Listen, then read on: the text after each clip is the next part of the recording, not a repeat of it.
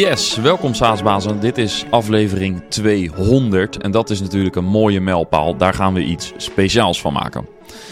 Voor mij persoonlijk was deze aflevering een van de absolute hoogtepunten tot nu toe. En dat heeft vooral te maken met het feit dat ik er zoveel van geleerd heb. Dat is natuurlijk iedere aflevering het geval, maar bij deze in het bijzonder. En soms ook op een vrij pijnlijke manier, want veel issues die ik vandaag bespreek heb ik firsthand ervaren. En dat maakt mijn gesprek met Samir, mijn gast van vandaag, zo waardevol. Samir heeft een rijke ervaring in de start-up en scale-up wereld. En ik sprak met hem over een aantal thema's die alles te maken hebben met iets dat we de hele dag doen, bewust of onbewust: beslissingen nemen. We denken veel na over hoe we ons team willen ontwikkelen, over onze productstrategie, funding, internationalisatie, pricing, sales, uh, over van alles en nog wat. Maar zelden doen we dat over, ja, misschien wel het allerbelangrijkste, over ons decision-making proces. Dus ik heb het niet over nadenken over beslissingen, dat doen we allemaal, maar nadenken over de manier waarop we beslissingen willen nemen. Dus besluiten hoe je wilt besluiten. En onze hersenen zijn zo gewired om complexe vragen te versimpelen. En we hebben allerlei biases dat het decision-making proces vaak helemaal vanzelf gaat. En we denken vaak vanuit uh, ja, het bestaande opties. We versimpelen dus vragen. En we hebben eigenlijk allerlei blind spots. En dat zijn allemaal redenen waarom we decision errors in ons bedrijf zien. Met misschien wel als belangrijkste inzicht voor mij persoonlijk dat uh, als we belangrijke beslissingen nemen, zoeken we vooral naar validatie van onze ideeën en hypotheses. En dat klinkt misschien als het perfecte, uh, als het perfecte approach. Maar deze zoektocht naar validatie kan een enorm gevaar zijn. Sterker nog, misschien is validatie wel onze allergrootste vijand. Zonder dat we het zelf doorhebben. Nou, wat moet je wel doen? Je hoort het in dit gesprek met Samir. Maar voordat we starten, een dank wordt aan onze sponsor. Want als SaaS-baas weet je hoe belangrijk het is om goed te weten wie je ideale klant is, jouw ICP, Ideal Customer Profile. En als je ICP goed gedefinieerd hebt en lead info gebruikt, wordt het eenvoudiger om bedrijven die in jouw ICP passen om die uh, in beeld te krijgen en op te volgen. Want met Lead Info zie je welke bedrijven jouw website bezoeken. En met de filters die je zelf kunt instellen, kun je ook in één oogopslag zien welke ICP-leads er op je website rondkijken en welke pagina's ze zien. Ga naar leadinfo.com slash saasbazen om te zien hoe het werkt. Ja, Samir, welkom. Ja, dankjewel. Leuk uh, om uh, wederom in gesprek te gaan. Ja. De vorige keer deden we dat in uh, mijn andere podcast voor de luisteraar uh, die dat nog niet heeft gehoord. Uh, we zullen een linkje in de show notes zetten. Mm -hmm. ja, en uit het vorige gesprek heb ik een aantal inzichten gehaald die ik ook vandaag met je wilde, wilde bespreken. Of eigenlijk wat verdieping wil opzoeken. Want die inzichten zijn nog een aantal keer door mijn hoofd gegaan. Mm -hmm. um, soms op een vrij pijnlijke manier. dus ik heb heel erg uitgekeken naar dit gesprek. Maar ik vind het ook een beetje spannend, moet ik eerlijk zeggen. Um, want um, nou, wellicht daarover later meer, maar laten we eerst even met, met het begin beginnen. Um, een van de basis, of belangrijkste inzichten voor mij uit dat gesprek was dat wij als uh, SaaS-founders, zeg ik even wij, of als uh, start-ups, uh, scale-ups, vaak bezig zijn met het zoeken naar product market fit. dat wij heel erg geloven in ons idee en in ons product. Ja. En dat we daarin zoeken naar validatie. Validatie is een woord dat heel vaak valt. En wat ik van jou leerde is um, dat er misschien uh, ook ruimte moet zijn, of dat er zeker ruimte moet zijn voor falsificatie. Ja. Kun je dat eens uitleggen, wat dat inhoudt en waarom dat belangrijk is? Ja. Uh, ja, kijk, in de, uh, nou, het idee van validatie komt natuurlijk Ehm, in ieder geval in de ondernemerswereld vanuit uh, Lean Startup. Daar is het min of meer mee begonnen met Eric Ries en Steve Blank. En uh, we hadden het net in het vorige gesprek hier ook over dat, wat mij betreft, dat echt ondernemerschap op een, op een fundamenteel ander niveau in de positieve zin heeft gebracht. Maar wat, ik, eh, wat, wat mij betreft ook best wel een, een fallacy van de Lean Startup is, is dat de focus inderdaad te veel op validatie is en niet falsificatie. En als we het toch over de scientific method hebben, want dat is wat uh, Eric Ries en anderen uh, zeggen. De scientific method is ook falsificatie. Dus dat is een fundamenteel onderdeel daarvan. En wat betekent dat als je dat weer naar de wetenschap trekt? Is dat je bijvoorbeeld in de wetenschappelijke wereld heb je, je hebt een bepaalde hypothese, je gaat een experiment uitvoeren, je gaat kijken of het klopt. Maar je hebt ook experimenten om te kijken of het niet klopt. Uh, dat is één ding. En ten tweede heb je ook peer reviews. Dus wat er dan gebeurt is dat er een onafhankelijke uh, falsificatie plaatsvindt van jouw experiment. Waardoor je eigenlijk dichter bij de werkelijkheid komt. En dat is wat wij uh, missen in de, in de start-up wereld. Waar voor zover ik, ik ben geen lean start-up expert, ik weet er wel wat van, maar niet, niet, niet alles tot, tot in de details. heb ik dat eigenlijk niet gezien. En vooral, dat kan ik wel met heel veel zekerheid zeggen. In de praktijk heb ik dat helemaal niet gezien. In de praktijk heb ik juist heel vaak gezien ik loop nu ongeveer, ik denk 15, 15 jaar minstens in de start-up wereld in, in Nederland uh, rond. Uh, zie je toch heel vaak, en dat is misschien ook een mooie brug naar waar wij dan verder over gaan hebben over besluitvorming en besluitvormingsprocessen, is dat onze, onze eerste tool, zeg ik altijd, ons brein, dat die eigenlijk zo ook geprogrammeerd is om alleen maar validatie op te zoeken. Dus uh, ja, je, je, staat eigenlijk al 2-0 achter in deze. Ja, ja. ja. Uh, ik kan het helemaal bevestigen hoor, want inderdaad, ik heb laatst een gesprek gehad met iemand die uh, ook wel getriggerd was door deze opmerking. En daar moest ik het woord falsificatie voorspellen. Ja. Want die had er nog nooit van gehoord. En datzelfde geldde min of meer voor mij toen wij, eh, voordat wij dit gesprek vorige keer ja. hadden. Dus ja. validatie is echt het sleutelwoord overal. Bij ieder bedrijf valt heel vaak. Maar falsificatie Hetzelfde. Ja, en het is, het is eigenlijk best wel bijzonder, want wat je eigenlijk wil, en daar uh, hebben we het ook eerder over gehad, is dat je als ondernemer, je wil niet gelijk hebben, je wil, uh, je wil de waarheid opzoeken. Want als je dicht bij de waarheid bent, en of dat nou in de product market eh, fit phase is, of dat in de fase is dat je gaat schalen wat daarvoor nodig is, uh, et cetera, et cetera, wat je eigenlijk wil is dat je zo dicht mogelijk tegen de werkelijkheid aanzit. En op basis daarvan gaat acteren. Maar als je gaat valideren, dan uh, in, in de, in de wetenschappelijke literatuur en ook in de economie hebben we een concept van padafhankelijkheid. Wat je dan doet is dat je een bepaald soort van padafhankelijkheid uh, creëert. En om toch een voorbeeld te geven, ik heb veel startups meegemaakt sommige ook dichtbij, aan sommige heb ik meegewerkt. En wat je dan vaak ziet is dat er een paar, helaas, uh, in mijn geval in ieder geval, te veel uh, mannen. En, en zijn toch een groep van mannen die dan een bepaald idee hebben en die wat geld over hebben. En die gaan dan in een kamertje zitten en die zeggen, hey, van, dit is wat ik, wat het over scratching your own itch. dit is het probleem waar ik tegenaan loop hey, zullen we een business model canvas of een lean canvas uh, gaan opstellen en met hele goede ideeën komen op zo'n canvas en op basis daarvan een product gaan ontwikkelen en geld gaan ophalen uh, en eigenlijk dat hele project opstarten. Maar wie zegt dat wat jij vanuit je eigen gedachte en eigen beleving op zo'n canvas zet, uh, wie, wie zegt dat, dat dat de werkelijkheid is? En dan hoor ik iemand vanuit de, uh, vanuit de luisteraars misschien zeggen, ja, maar wacht eens even. Je hebt zo'n business model canvas heb je, heb je op papier gezet, heb je ingetekend, je gaat het nu valideren. En daar begint dus het probleem. Ja. Dat is precies het probleem. Ja, dit, dit is meteen het eerste pijnlijke moment. Want ik herken opeens een hele hoop vanuit uh, de, de start-up waar ik uh, te vergeefs uh, aan gewerkt heb. Althans te vergeefs als het gaat om het commerciële succes. maar nogmaals, wellicht daarover later meer. Um, nog even terug naar het falsificatie. Want um, je noemde ook specifiek een onafhankelijk team ja. die um, bezig gaat zijn met falsificatie. Ja dat is al iets wat we al helemaal niet gewend zijn in de start-up wereld. Want we zijn zelf aan het valideren als founders, als team. Uh, hoe zou zoiets eruit moeten zien? Ja. ja, en daar dan loop je ook nog tegen het probleem aan, is dat je, dat je eigenlijk zou verwachten van je investeerders dat die er ook onafhankelijk in staan, maar dat is dus niet zo. Nee.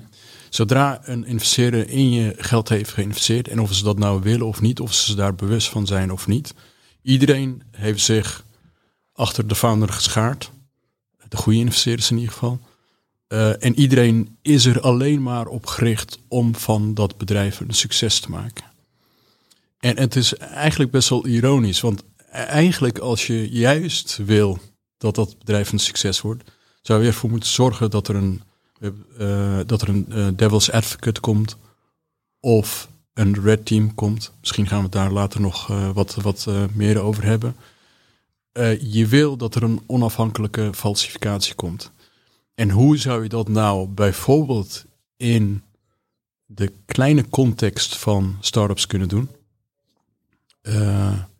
en overigens even als side note, bij startups loop je eigenlijk nog meer tegen het probleem aan van uh, al die biases en de padafhankelijkheid waar ik het over had. En dat je, dat je, je bent heel erg optimistisch. Je hebt het probleem zelf ervaren. Dus het kan niet zo zijn dat dit geen probleem is, ook niet van anderen. Dus je bent heel erg gefocust om maar te valideren. Uh, bij startups loop je daar nog meer tegen het probleem aan. Waarom? Omdat je een kleine groep van mensen hebt. En omdat er dus daardoor weinig uh, tegenspraak is. Dat die de wereld willen gaan veroveren met elkaar. Dus je, je wil juist een gevoel van eenheid creëren. Daar doe je van alles aan. Ja, dus het is een beetje jullie tegen de rest. Ja, ja, en iedereen heeft het over culture of fit. Ja. eigenlijk niet. Je moet niet iemand hebben die, die in die culture of fit past. Dus je hebt eigenlijk vanaf dag één een challenger nodig. Iemand die vragen stelt. Iemand, ja, ja, ja. ja. en dat kan je dus organiseren in de, in de, in de start-up. Is om iemand aan te stellen echt als een functie, als een rol van hey, uh, als wij met een idee komen, uh, en dat kunnen kleine of grote dingen zijn, uh, daag dat uit in de zin van kom met allerlei redenen waarom wij dit niet zouden moeten doen. Dat is één vraag. Ja. Wat je ook kan doen is dat je bijvoorbeeld zegt van wat is er voor nodig dat dit een succes wordt? Dat is een vraag die ook niet gesteld wordt. Maar als je dat doet, dan, dan, dan zorg je er ook voor dat het, uh, dat het gesprek open, open gebroken wordt. Ja. Uh, wat je ook kan doen, en dat vind ik een hele mooie, en dat wordt ook door red teams vaak gebruikt, is een pre-mortem analysis. Nou, post-mortem, dat kent iedereen.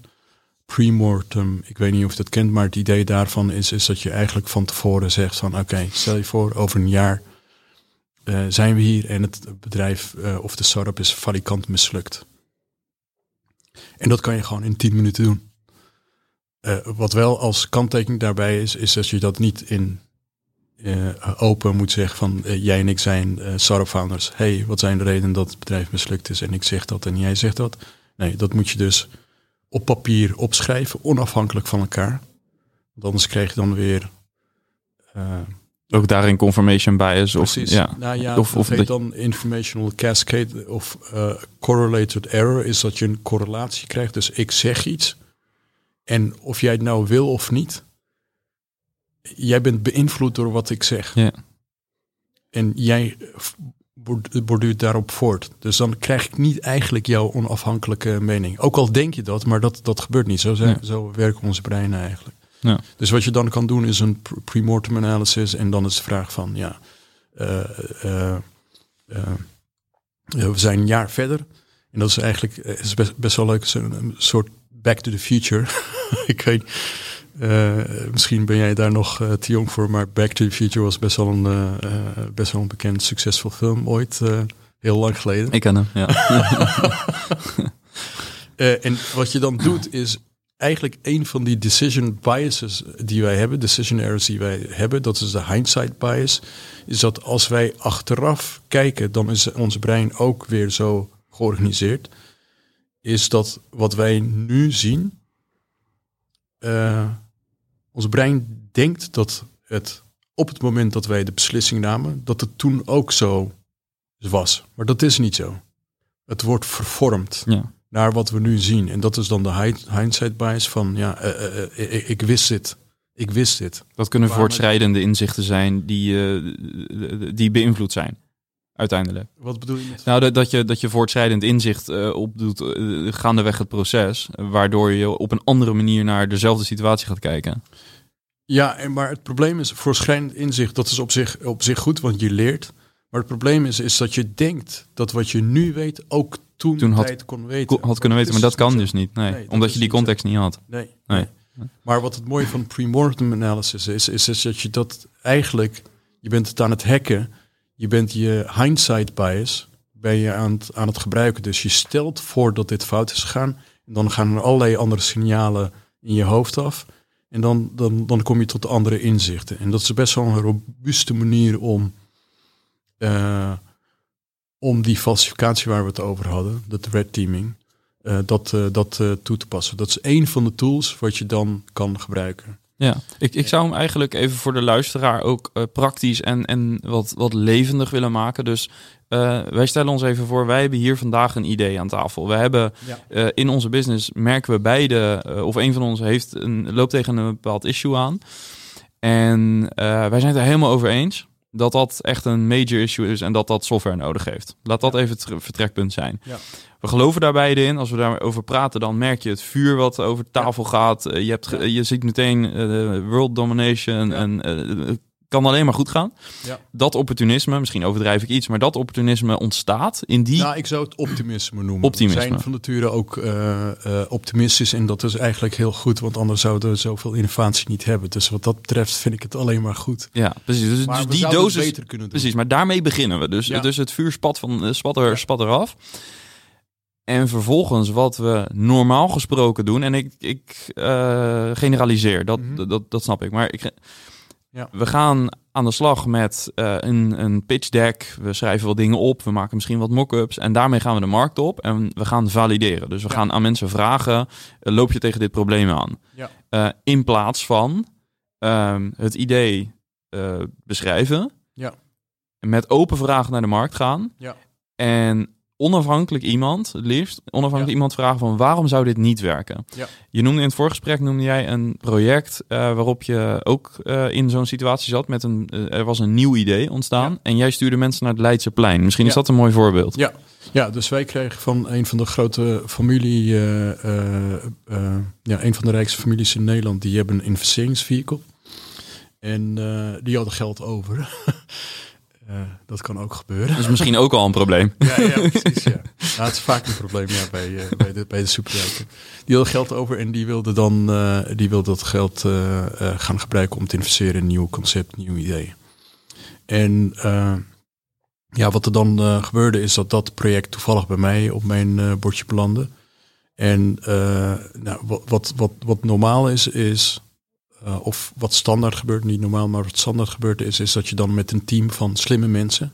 En dat wil ik wel echt uh, zeggen, in de start-up wereld heb ik weinig niet slimme mensen gezien. Dus het zijn altijd heel erg slimme mensen. Uh, maar dat is geen garantie voor, voor succes. dus wat je normaal doet, is met een team van slimme mensen wat je dan gaat doen, je gaat brainstormen. Hey, van hey, dit is het probleem. Uh, dit zou de oplossing kunnen zijn. En vaak pak je daar dan allerlei tools bij. Design thinking, lean startup, lean canvas. Nou, we hebben het over gehad. maar het probleem daarvan is, is dat je dus... en, en, en ik had het ook in ons voorgesprek over dat keertje college aan de Universiteit van Utrecht over dit onderwerp heb gegeven.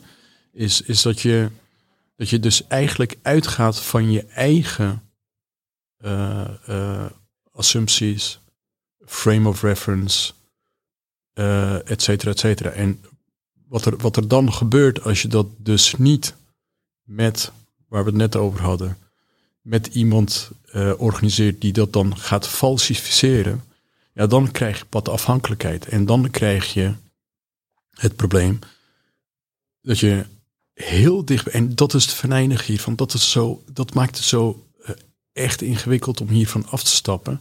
Als je dat dus niet met een decision architector a priori van tevoren inregelt in hoe je beslissing neemt.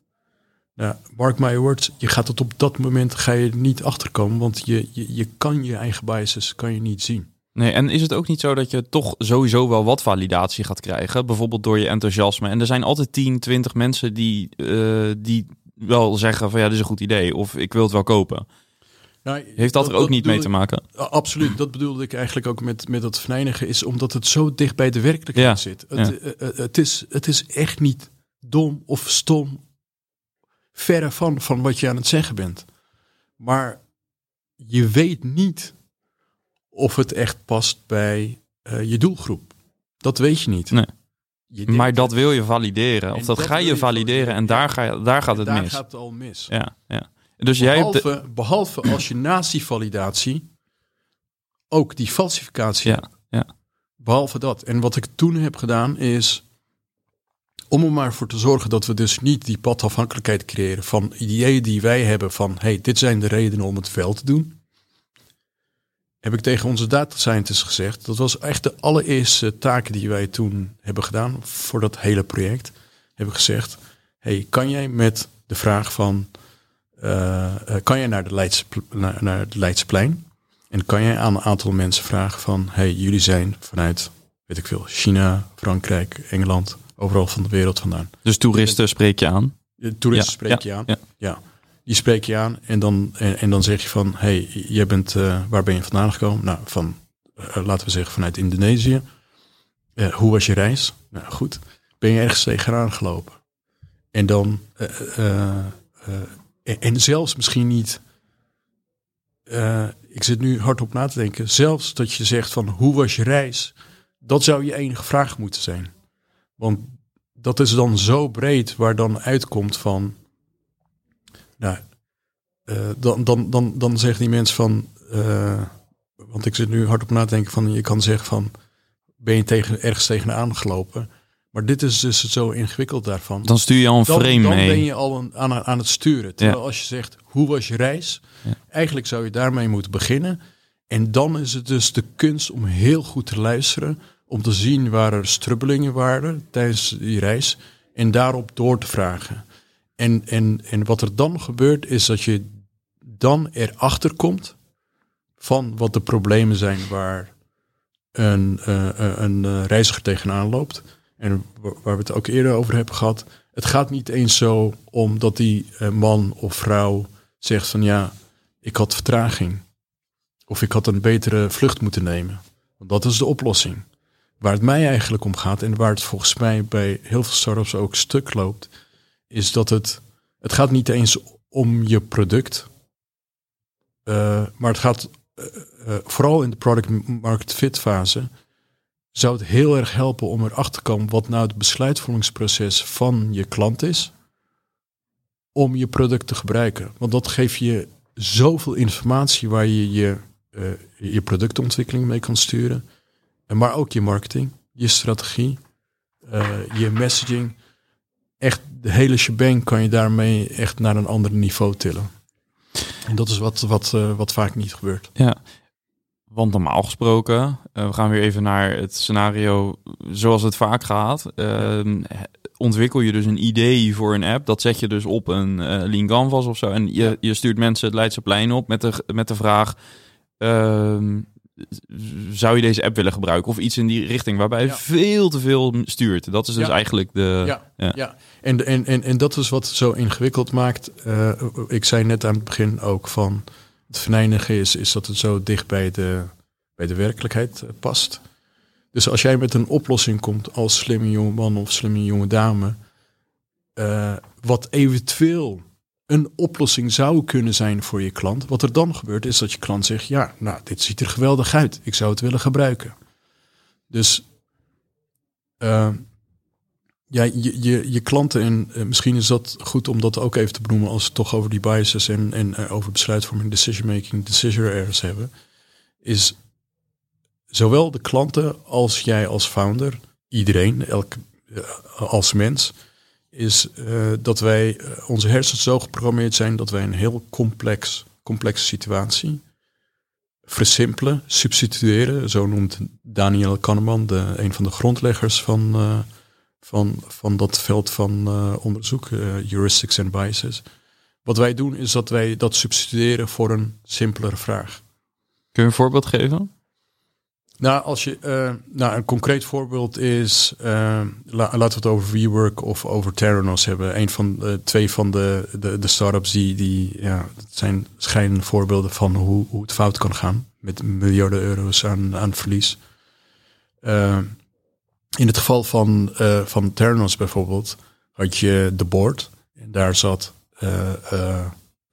Henry Kissinger zat in de board en nog een aantal andere mensen. Uh, wat er dan gebeurt is, is dat, dat heet dan de halo-effect, is dat, uh, uh, of Steve Jobs, wat, wat er dan gebeurt is, dat wij, wij zien iemand die ergens heel erg goed in is. En daarmee versimpelen we dat als hij daar goed in is, nou dan zal alles wat hij doet, zal ook goed zijn.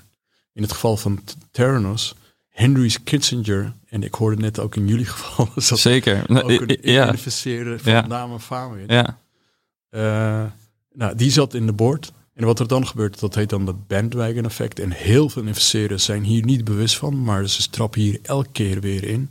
Is dat als een goede investeerder of een investeerder wat succes heeft uh, gehaald in het verleden, in de cap table van een start-up zit, wat er dan gebeurt is dat die hele slimme investeerders, wat hun brein doet, behalve als ze daar dus dan processen, decision architect ervoor hebben in, in, ingeregeld hebben om dat te overkomen.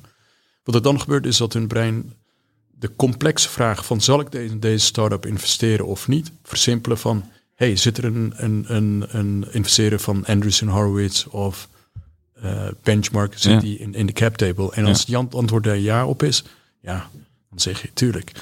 Uh, ik wilde je deze vraag stellen. Jij had laatst uh, de founder van uh, Open. Palo Alto Networks? Nee. bedoel je? Ja, van Open. Ja, van Open, ja, ja. ja, ja. Chris AD. Ja, ja Chris ja. Ja. Stel je voor dat Chris AD. Ja. Hallo Chris.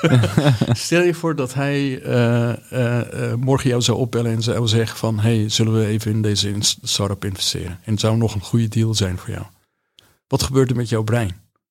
Ja, die is gelijk beïnvloed. En ik durf nog wel verder te gaan. Ja. Um, uh, ik ben 100% guilty. um, want wat je net vertelt, um, dat is bij ons ook gebeurd bij Playbookify. Um, wij gingen een investeringsronde doen, een pre-seed. Ja. Hadden dus nog geen product, hadden wel een idee. Uiteraard ja. hadden wel wat, uh, nou, laten we zeggen wat mock-ups, maar veel ja. verder dan dat was het niet. En al vrij vroeg uh, uh, haakte er echt een topondernemer aan ja. um, en investeerder. Um, dan heb je het echt over buitencategorie. Ja. En zodra we zijn foto op de slides hadden gezet, werd het niet alleen veel makkelijker om andere investeerders mee te krijgen, wat dus in hele korte tijd lukte. Ik heb zelfs nou de, deze ja, nee, achteraf is het, kan je het gerust een fout noemen. Heb ik tot een tot, nog wel naar next level getrokken door zijn komst naar onze start-up of zijn participatie in onze start-up te zien als validatie voor ja. mijn idee. Ja. Dus het ging nog verder eigenlijk in mijn geval. Dus ik, ja. ik voelde me zo gesteund door ja. zijn uh, komst. En ik zie nu ook, ik sprak laatst een founder ja, die heeft... Dat is, als ik je mag onderbreken, dat is dus precies waar we het er net over hadden van een, een groot complexe probleem, wat heel erg afhankelijk is van de context, de tijd ja. en, en, en alles. Dat wordt dus versimpeld tot, wordt gesubsidieerd voor een simpele vraag. Ja. Is deze persoon betrouwbaar? Ja. Als deze persoon investeert, deze topondernemer in mijn onderneming gaat investeren en partner, een van de co-founders wordt, betekent dat dat mijn bedrijf kans van slagen heeft? Ja. Ja. En dan ga je daarop voortbeduren. Terwijl dat natuurlijk, en het voorbeeld wat ik van Chris zag, ik heb hem heel hoog zitten. Chris, Pieter van der Does, Steven Schuurman, ja. ja. Uh, uh, Anderson, uh, Mark Anderson. Nou, als die mensen komen van, dus wil je mee investeren? Nou, ik denk geen seconde over. Nee, precies. Dat is geen ja. seconde over nee. na. Maar dat is dus hoe ons brein werkt. Maar dat zegt dus helemaal niks over de, de, over de kans van slagen van, van, van dat bedrijf. Natuurlijk we moeten natuurlijk, natuurlijk ook niet doen alsof dat helemaal geen rol speelt. Uh, natuurlijk is het zo dat je ervan uit kunt gaan dat zij een bepaalde vorm van validatie hebben gedaan. Maar je moet je niet op blind staren. En dat is wat wel vaak gebeurt. Is dat mensen gewoon totaal alles loslaten en niet meer voor hunzelf nadenken. Nee, precies. En ja. als, er, als, er, als, ik, als, ik, als ik dat even mag zeggen, als er één, eh, één boodschap is wat mij betreft van dat hele decision making eh, literatuur en, en, en kennis wat je daarover kan leren is blijf altijd voor jezelf nadenken en daag echt alles uit. Maakt niet uit wat het is. Blijf dat altijd doen. Ja. Ik, eh, eh, er schiet me nog een andere vraag te binnen. Eh, eigenlijk eerder in het gesprek ook al. Ehm, je zei, ehm, je wil geen gelijk hebben, ehm, maar je wil de waarheid. Als je dat zo zegt, dan denk ik ja, dat klopt. Maar aan de andere kant, als ik gewoon heel brutaal eerlijk naar mezelf kijk, Ja. dan kan ik me ook wel momenten herinneren in mijn start-up dat ik misschien eigenlijk liever wel gewoon gelijk had. En dat ik zoiets had van, ja, maar als het een beetje in de richting gaat, dan is het genoeg. Want de rest doe ik wel met opportunisme en enthousiasme. We beuken wel door, zeg Ja. maar dat. Ja. Wat gebeurt er? Wat, wat zit daarachter? Wat voor systeem of wat voor kronkels zitten, Ja. er, zitten er in mij die, die dat gedrag eh, tot stand brengen? Ja, en eh, ja, dat is, eh, dat is ja, ik zeg, je, je, je wil gelijk hebben, maar je moet op zoek naar de waarheid. Maar je eigen brein werkt je daarin tegen. Dus je eigen brein wil dat je, dat je gelijk krijgt. Het is nogmaals dat versimpelen. Dus we, wat we doen is op basis van, en dat gebeurt volledig automatisch. We hebben het in het vorige gesprek ook gehad over systeem 1 en systeem 2. Dus wat, hoe brein in elkaar zit, is dat we een automatisch systeem hebben. Dat wordt dan heel sexy systeem 1 genoemd. Niet dus. en eh, eh, andere meer eh, denkende gedeelte van onze brein, dat wordt systeem 2 genoemd. Eh, dus eh, ja, als jij auto aan het rijden bent, dan op een gegeven moment zie je jezelf je sturen. In één keer eh, naar links sturen. En je weet niet eens waarom. Maar het is omdat er iets gebeurd is waardoor je je automatisch systeem in één keer eh, ja, eigenlijk controle heeft overgenomen en dat heeft gedaan. En, en dat, is, dat, dat is geweldig, want anders zouden we het niet redden. En eh, heel erg in het verleden was dat de manier dat wij konden overleven eh, als we door een eh, leeuw of een tijger werden aangevallen. Dus dat is, dat is, eh, dat is je, je, hoe, je brein, hoe je brein werkt. En, ehm, en wat je eigenlijk wil doen, is, en daarom heb ik dan over decision architecture. Jij zegt van ja, ik wil gelijk hebben. Je moet ervan uitgaan dat je ten altijd gelijk wil hebben. Je kan dat gewoon niet bevechten. Vooral niet op dat moment. Wat je ervoor moet zorgen is dat je dus processen in, in, in plaats hebt. Decision architecture in plaats hebt. Die jouw neigingen, eh, eh, neigingen om gelijk te krijgen en gelijk te hebben. Dat even eh, ja, op de een of andere manier tegenhouden. En wat er dan gebeurt is dat je daardoor je blikveld verbreed wordt. Want we hadden het net over business model canvas, lean canvas en, en, en dat je op zoek gaat naar validatie. Eh, en waarom, waarom zou je dat eigenlijk willen? Dat is misschien ook een goede vraag om te stellen. Waarom zou je eigenlijk willen dat, eh, dat je een breder blikveld hebt? Nou, dat is, weer terugkomen naar de essentie. Jouw, jouw, jouw brein werkt zo om dingen te versimpelen. Wat je eigenlijk wil, is dat je eh, je blikveld verbreedt, waardoor je meer gaat zien. En daardoor een beter beeld krijgt van de werkelijkheid. Eh, eh, en, eh, en een manier waar we het net over hadden, is die premortem. Een manier is verschillende alternatieven. Heel vaak bij hele grote projecten waar het echt om miljarden gaat. Maar ook bij kleine projecten is het vaak een ja-nee beslissing. Zullen we in dit bedrijf investeren of niet? Dat is een ja-nee Ja, beslissing. gaan we naar Duitsland of niet? Of, of, of, of, of een beslissing tussen twee opties. Hè? Gaan we naar Duitsland of naar Frankrijk? Ja. Wat eigenlijk niet de juiste vraag is. Precies. Ja, en eh, misschien, eh, eh, misschien, ik vind dat een van de mooiste voorbeelden vanuit de politiek. Je hebt in Amerika natuurlijk de Cuba-crisis. En de Cuba-crisis op, is op een gegeven moment afgewend omdat 80 kilometer om Cuba heen eh, Amerikaanse marine ervoor heeft gezorgd dat er geen wapens meer vanuit de Sovjet-Unie daar kwamen. Is dat een goede beslissing? Is dat de beslissing die de wereld heeft gere- gered eh, of een kern, kernoorlog heeft afgewend? Ik denk van niet. De echte beslissing was voor Kennedy is dat hij besloten heeft van hoe ga ik deze beslissing nemen. Hij heeft, hij heeft, hij heeft gefocust op een decision architecture. Dus niet nadenken over de beslissing aan zich, maar nadenken over de route die je aflegt om die beslissing te nemen. Exact. Ja. exact.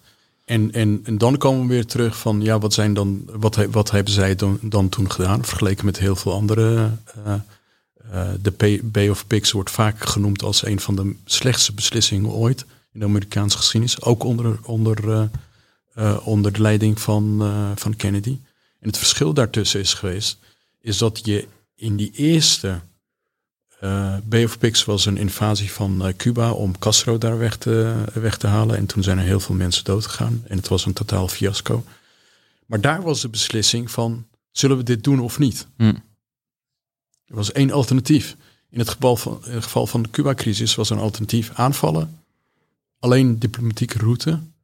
Of die naval blockade waar ze dan over hebben. Er waren sowieso drie alternatieven. Maar eigenlijk het begin dus, in essentie, het begint met o- meer open vragen. Ehm, en dus niet denken vanuit twee bestaande opties.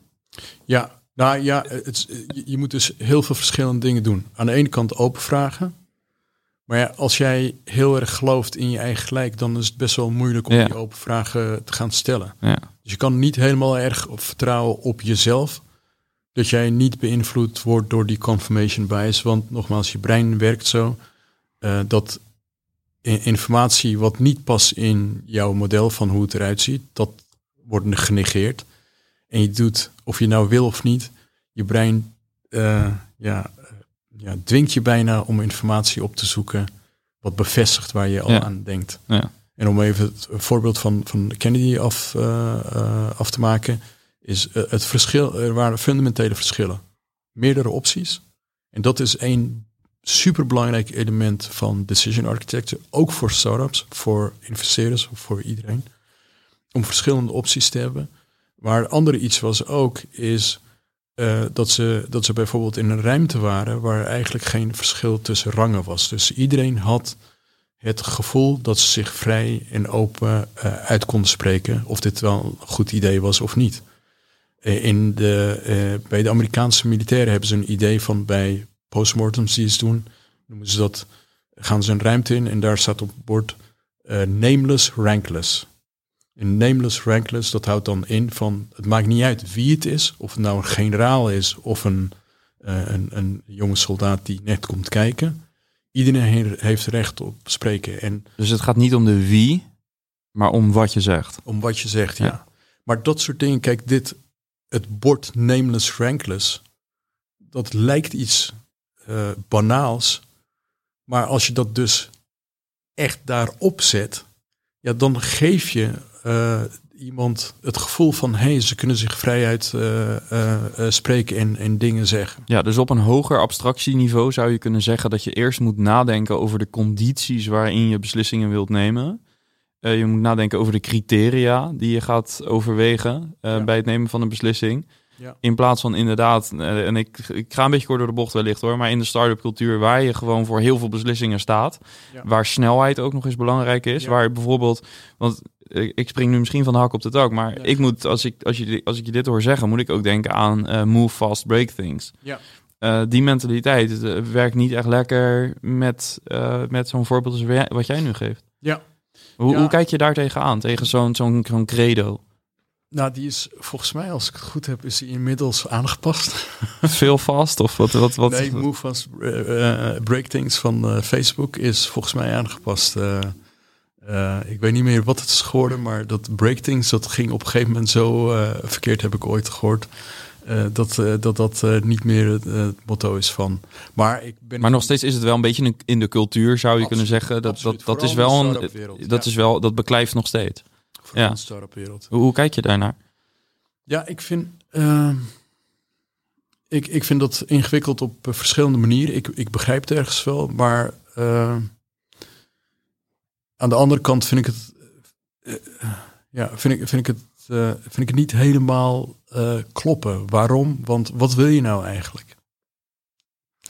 Uh, wil je snel beslissingen maken en dan snel afgrond instorten? Nou, ik denk als ik, als ik, vanuit, als ik vanuit mijn eigen ervaring kijk, dan is de gedachte over het algemeen ook: een beslissing is beter dan geen beslissing. Dus neem een beslissing en je kunt nog beter een slechte beslissing nemen en vervolgens goed monitoren, meten, analyseren en dan bijsturen. Dan dat je in een soort analysis paralysis komt en uh, geen beslissing neemt. Ja. Dat is volgens mij de onderliggende gedachte. Ja, dat is waar. Dat is waar. Kijk, je komt in die analysis paralysis juist, juist als je dus niet van tevoren heel duidelijk hebt afgesproken met elkaar van hoe gaan wij een beslissing nemen? Hoe gaan wij die decision architecture in, inrichten? En wat zijn nou de momenten om een beslissing te nemen? En, uh, en, wat zijn de momenten om, om, uh, om te zeggen van oké, nu hebben we genoeg informatie. Dat is weer een heel mooi voorbeeld. Als je dus daar niet van tevoren over nadenkt van hé, hey, uh, wij nemen zoveel tijd voor het nemen van beslissing. En op dat moment hebben wij genoeg informatie verzameld. En dan gaan we die beslissing nemen en dan gaan we uitvoeren. Als je dat dus niet doet, dan zou je in een analysis paralysis uh, uh, kunnen komen. En dat is fundamenteel de functie van een leider, uh, is dat, dat hij dat proces ook zo inricht dat er een moment is van analyse, maar dat er ook een moment is van oké, nu is het afgerond en dan, en, en, dan, en dan gaan we door. En de Googles van de, dit soort bedrijven die van deze wereld, die doen dat, die hebben dat ook zo echt ingericht van op een gegeven moment is het klaar. Ja, want bijvoorbeeld ik kan een quote herinneren van Jeff Bezos die zegt uh, bij 70%, je, je moet comfortabel worden als leider door beslissingen te nemen met 70% van de informatie. Ja. ja. Wat is jouw idee daarbij?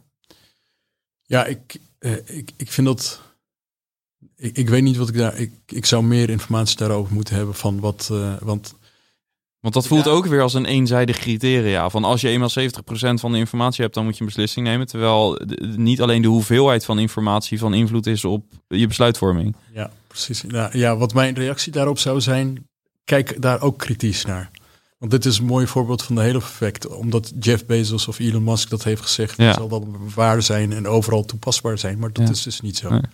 En 70% van de informatie, ja. Hoe kwantificeer je dat bijvoorbeeld? Kwantificeer je dat, maar, maar je kan 70% van de informatie hebben, maar dat laatste procent of die laatste 5% zou misschien wel doorslaggevend of fundamenteel kunnen zijn. Ja, want er zit bij, het suggereert bijna dat uh, alle informatie uh, in, in kwantificeerbaar is en lineair is. Dus en, en even en, belangrijk even is. Belangrijk, ja. Ja. ja. ja. en dat is een mooi verhaal van de, van de, van de, van de Black Swan. Ken je dat, dat verhaal van de, van de turkey? Nee. Nou, de, turkey die wordt dus uh, in Amerika in ieder geval, wij kennen het hier het idee niet, die wordt helemaal vet, uh, vet ge, gepompt, zodat die, uh, zodat die op een gegeven moment geslacht kan worden. Maar die, als je dus, je voor je bent turkey, je gaat uit alleen maar van deze situatie waar je nu in zit. Dan denk je van, dit is, het is paradijs. Ik krijg alleen maar eten en het gaat goed en het gaat goed en het gaat goed.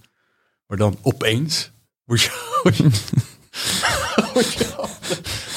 ja. Of eraf gehakt. Dus het, het zou, zou zo kunnen zijn dat het heel lang goed gaat. Maar je kan daar niet van uitgaan. Ja. Je, kan, je kan daar gewoon niet van uitgaan. Dus uh, dat moet je altijd in de ogen schoon hebben. Ik wil even inzoomen op de decision architecture. Je hebt het ja. natuurlijk al een aantal keren uh, laten vallen. Ja. Um, maar ik heb nog niet echt uh, gevraagd naar de definitie. Ja. Dus wat houdt het in? En met name ook weer binnen de context van een uh, SaaS-bedrijf, start-up, scale-up.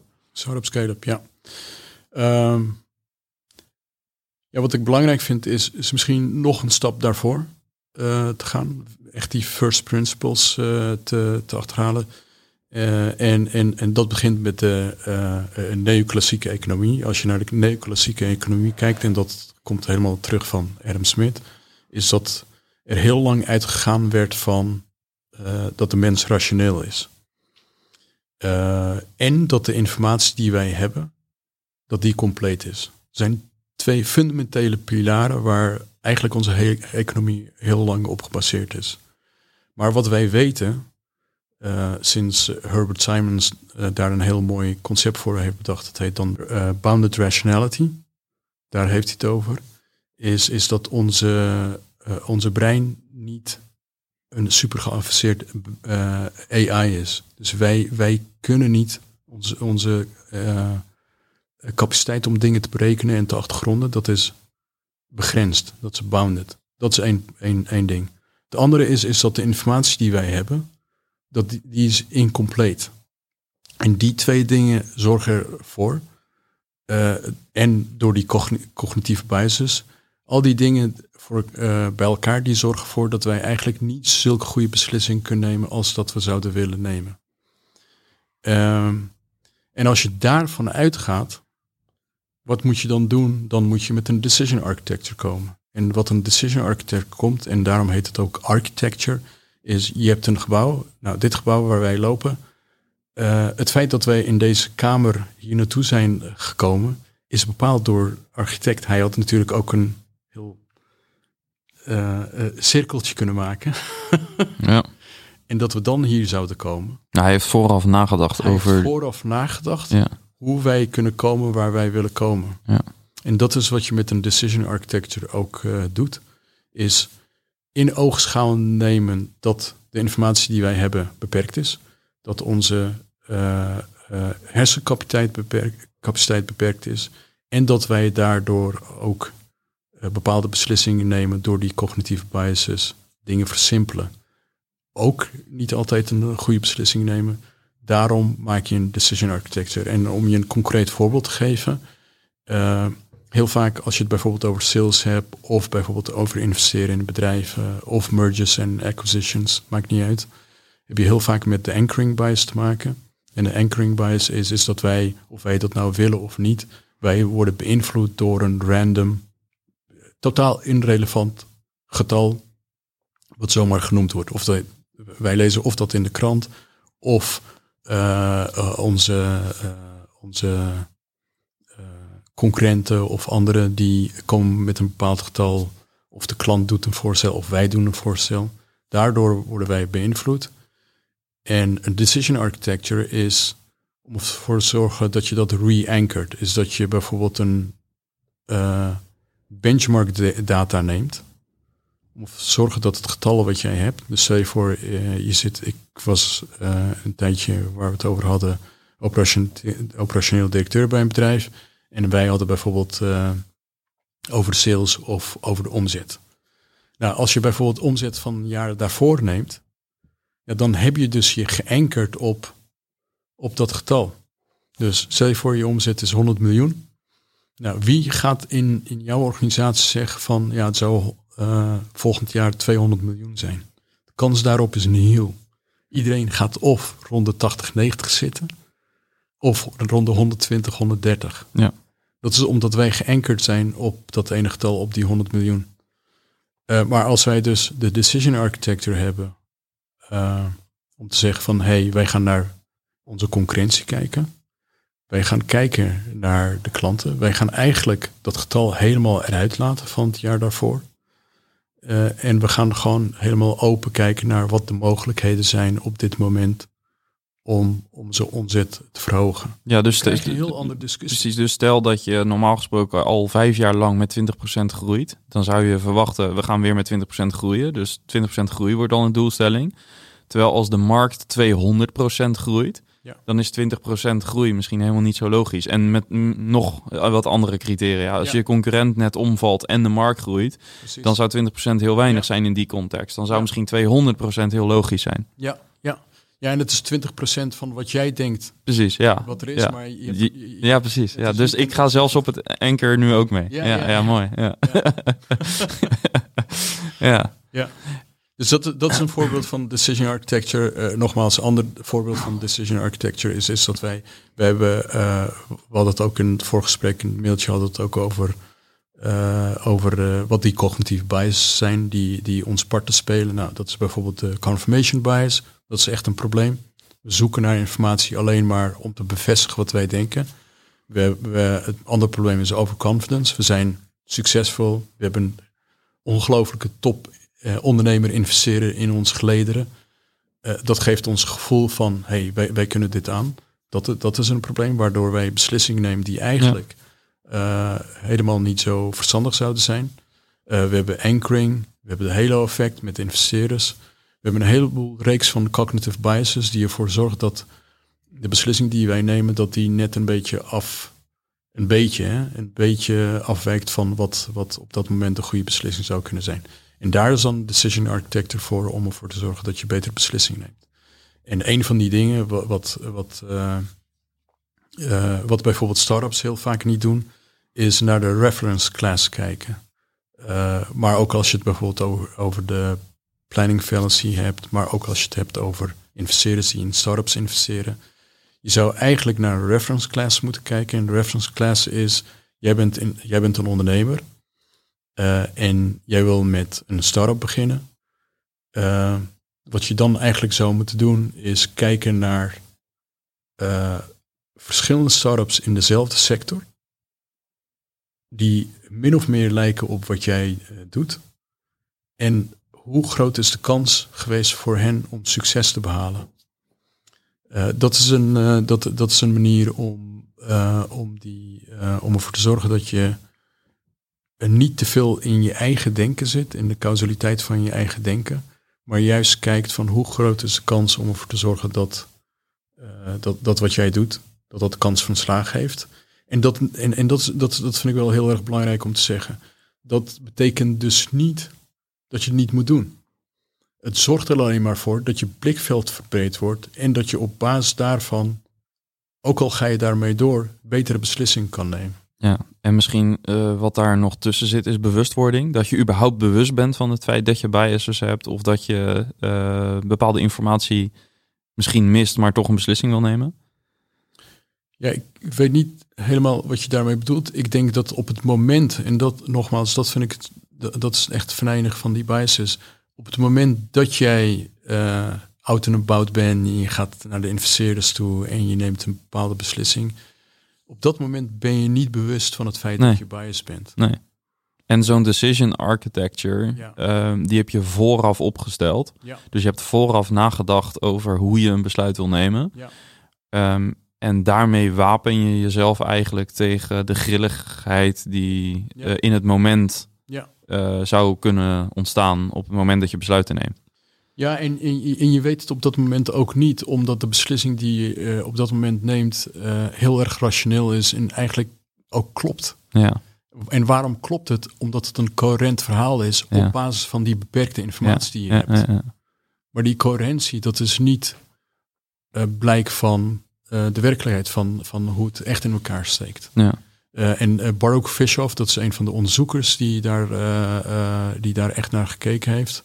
En, en, die, en die zegt dat heel mooi. Die zegt, ja, je biases op het moment dat je een beslissing aan het nemen bent of iets aan het doen bent, om, eh, dat is haast onmogelijk om dat te doen. Want wat moet er dan gebeuren? Je moet bewust zijn van het feit dat de beslissing die je neemt... Het feit dat je erbij is hebt, je zit Ja, in een cirkeltje, zeg maar. Ja, Ja, je, je moet bewust zijn, maar het is alsof je tegen, eh, tegen iemand zegt van ja, je moet bewust zijn van wat je ziet, eh, dat dat niet klopt. ja. ja. Nee, je, je zit in een cirkeltje. Je En- zit in een ja, cirkel. Ja. En maar, Dus maar je dat moet- is... maar, maar je moet je er bewust van zijn op dat moment. En je moet ook nog weten welke bias het is. Ja. Is het de anchoring bias? Is het confirmation? Wat is het? Ja, dus je moet en voor... dan ook nog ja. eens daarop kunnen acteren. En dat Ja. is menselijk onmogelijk. Ja, en je, je moet dus met een decision architecture moet je voorkomen dat je in die situatie, dus als je in de situatie van een beslissing komt, moet je, je moet voorkomen dat je eh, eh, ehm, ongewapend eigenlijk in die situatie terechtkomt. Zou je hem zo kunnen stellen? Dus ik dat zou, op, ik, zou, hem- ik zou hem anders eh, stellen. Je komt in die situatie en je gaat die bias beslissing maken. Dus eh, dat gaat sowieso gebeuren. Het enige wat die. Dus, dus jij gaat sowieso die kant op. Eh, wat, wat de decision architect doet, die duwt je net een andere kant op. ja, Een beetje meer richting de goede kant op. ja, Maar je gaat sowieso die bias beslissing maken. Want nogmaals, het is, het is op basis van de informatie die je hebt, zou ieder welke denkend, s- normaal intelligent mens, zou waarschijnlijk tot dezelfde conclusie komen. Dus op basis van deze, de, de- eh, ja, deze informatie die je hebt, Wat zo'n decision architecture ervoor doet, uh, ervoor zorgt, is, is dat het blikveld verbreed wordt. En, en dat zorgt er dan voor dat je toch na gaat denken van, hé, hey, misschien moet ik hier toch anders naar kijken. Ja. Ehm, nog even naar een, een vraag die het bij me triggert. Um, we, ik heb een paar weken geleden aangekondigd dat ik uh, ging stoppen met, met onze start-up, Playbookify. En naarmate je er in tijd verder van afstaat, des te meer momenten je ziet voor je. Waarvan je denkt van, ah, daar heb ik die beslissing genomen. Die was niet logisch of die pakte verkeerd uit of wat dan ook. Uh, dus achteraf zie je veel makkelijker waar je nou ja, bepaalde richtingen in bent gegaan, waarvan je nu zou zeggen dat is niet logisch. Nou, dat heeft deels te maken misschien met hindsight bias. Zeker weten. Ja. um, heeft het ook niet. Welke rol speelt emotie hierin? Want, um, en daarmee doel ik ook op wat ik eerder zei over het misschien gewoon gelijk willen hebben. Ja. Uh, nu ligt het wat achter me en je hebt dingen verwerkt. Dus het is ook iets makkelijker om dat toe te geven. Um, doet ook iets minder pijn aan mijn ego nu. Um, welke rol speelt emotie in het nemen van beslissingen en, en, elimineer je dat ook op een bepaalde, manier met, met, uh, met je decision architecture? Ja, zeker weten. Ja, ja. En, paar punten, uh, uh, en dat is meteen een mooi voorbeeld van decision architecture, waarvan ik zou zeggen tegen, tegen jou en je luisteraars, pas dit vanaf morgen toe, is wat jij net aangaf van nou, achteraf zie je dat je een paar beslissingen hebt genomen die, die misschien niet zo, niet, niet zo goed waren. Eigenlijk is dat heel erg moeilijk te zeggen op dit moment, want je, of je nou wil of niet, je, je analyse van wat er toen gebeurd is, is verkleurd door de hindsight bias. Ja. Daar kan je gewoon niks aan doen. Nee. Het is gewoon hoe, hoe, ons brein werkt. En daar zijn heel veel onderzoeken. Men, mensen vergeten letterlijk hoe zij op dat moment dachten. Want het wordt uh, ja. gekleurd door het heden. Ja. Uh, wat je dan kan doen, en dat is een decision architecture uh, design element wat je kan gebruiken, is dat je een dagboek houdt op het moment dat je een beslissing neemt. Dus je, op het moment dat je een beslissing gaat nemen, een, een, een, niet of je nou appels of peren koopt, dat zijn minder, minder impactvolle en belangrijke beslissingen. Maar stel je voor, je neemt de beslissing om een bepaald doelgroep voor je start-up te benaderen. Wat je dan zou moeten doen is opschrijven hoe ben je tot die beslissing gekomen?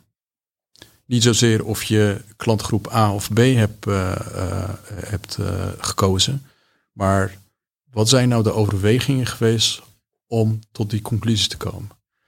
Die sla je op en die kan je achteraf, later als het resultaat binnen is, ga je daar weer naar kijken en alleen op zo'n manier, iedereen heeft over leren van failure, maar alleen op zo'n manier kan je van failure leren. Waarom? Vanwege die hindsight bias. Als je, ja. dat, als je dat hebt, die informatie hebt. Want uh, nogmaals, dat, van failure leren, daar zit dus ook weer een fundamenteel, net als de Lean Startup fallacy waar ik het over had, over validatie. Dit is ook een fallacy van dat hele idee van, uh, van fouten leren uh, worden daarin tegengehouden door die hindsight bias. En waarom? Omdat we die informatie van op dat moment niet voorhanden meer hebben. Dus het wordt ingekleurd. Nou, dat is één ding. En het tweede is, kan je dat herhalen wat je net zei? Van, ja, welke rol die emotie. Welke uh, rol die emotie, ja. Ja, wat ook, wat, er is heel veel onderzoek naar dat als wij in die emotionele situatie zitten, dus bijvoorbeeld lange dagen in, in start-up is dat ook vooral voor de CEO, voelt hij zich best wel vaak ook alleen.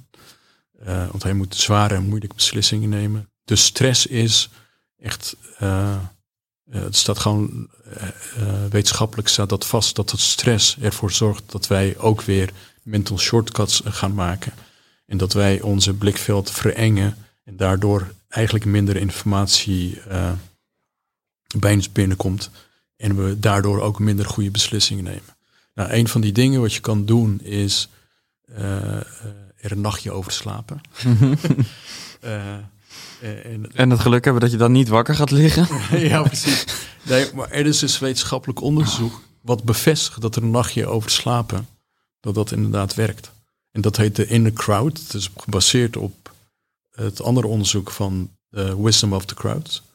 Is dat als je de, het gemiddelde neemt van een, uh, uh, van een aantal uh, oordelen of ideeën van een groep mensen, dat dat heel vaak een, tot een betere beslissing of oordeel leidt dan één iemand. Want wat wij doen is dat wij, wij denken kausaal, wij denken niet statistisch.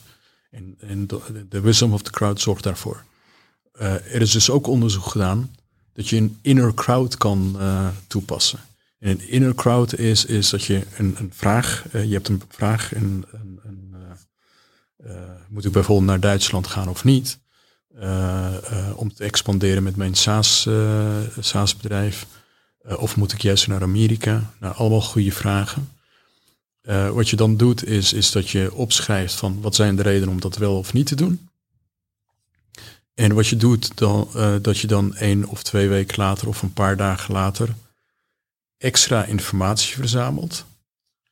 En dan weer opschrijft, zou ik het wel moeten doen of niet moeten doen. En die informatie bij elkaar brengt en dan pas daarna een beslissing neemt. En uh, dat is een model om ook over, van die, uit die emotie te komen. En de andere is natuurlijk je, je teamleden de ruimte te geven om zich vrijheid uit te kunnen spreken. Ja. Ik uh, probeer ook daar weer even wat terug te grijpen naar momenten van de afgelopen twee jaar. En dan. Um, dat, ik doe dit deels natuurlijk voor mezelf, omdat ik gewoon benieuwd ben naar, naar waar mijn eigen ehm, ontwikkeling zit en, en wat ik daar nog van kan leren. Uh, maar ook uh, uiteraard in de hoop dat andere luisteraars uh, zich herkennen, misschien in sommige situaties en daar, daar iets aan hebben. En nou, ik, het, het prijs je heel erg dat je. ik, ik vind het echt bewonderingswaardig dat je dit doet. want wat ik al eerder zei, ik zit 15 jaar in die, in start-up wereld en er wordt heel veel gedeeld in de start-up wereld met elkaar. En dat is echt. Ja, ik ben daar echt heel erg blij om, want we, we, we, we hebben Raising the Tide for All Boats. We hebben daardoor, door informatie met elkaar delen, hebben we ons met z'n allen naar een hoger niveau getild. Ja.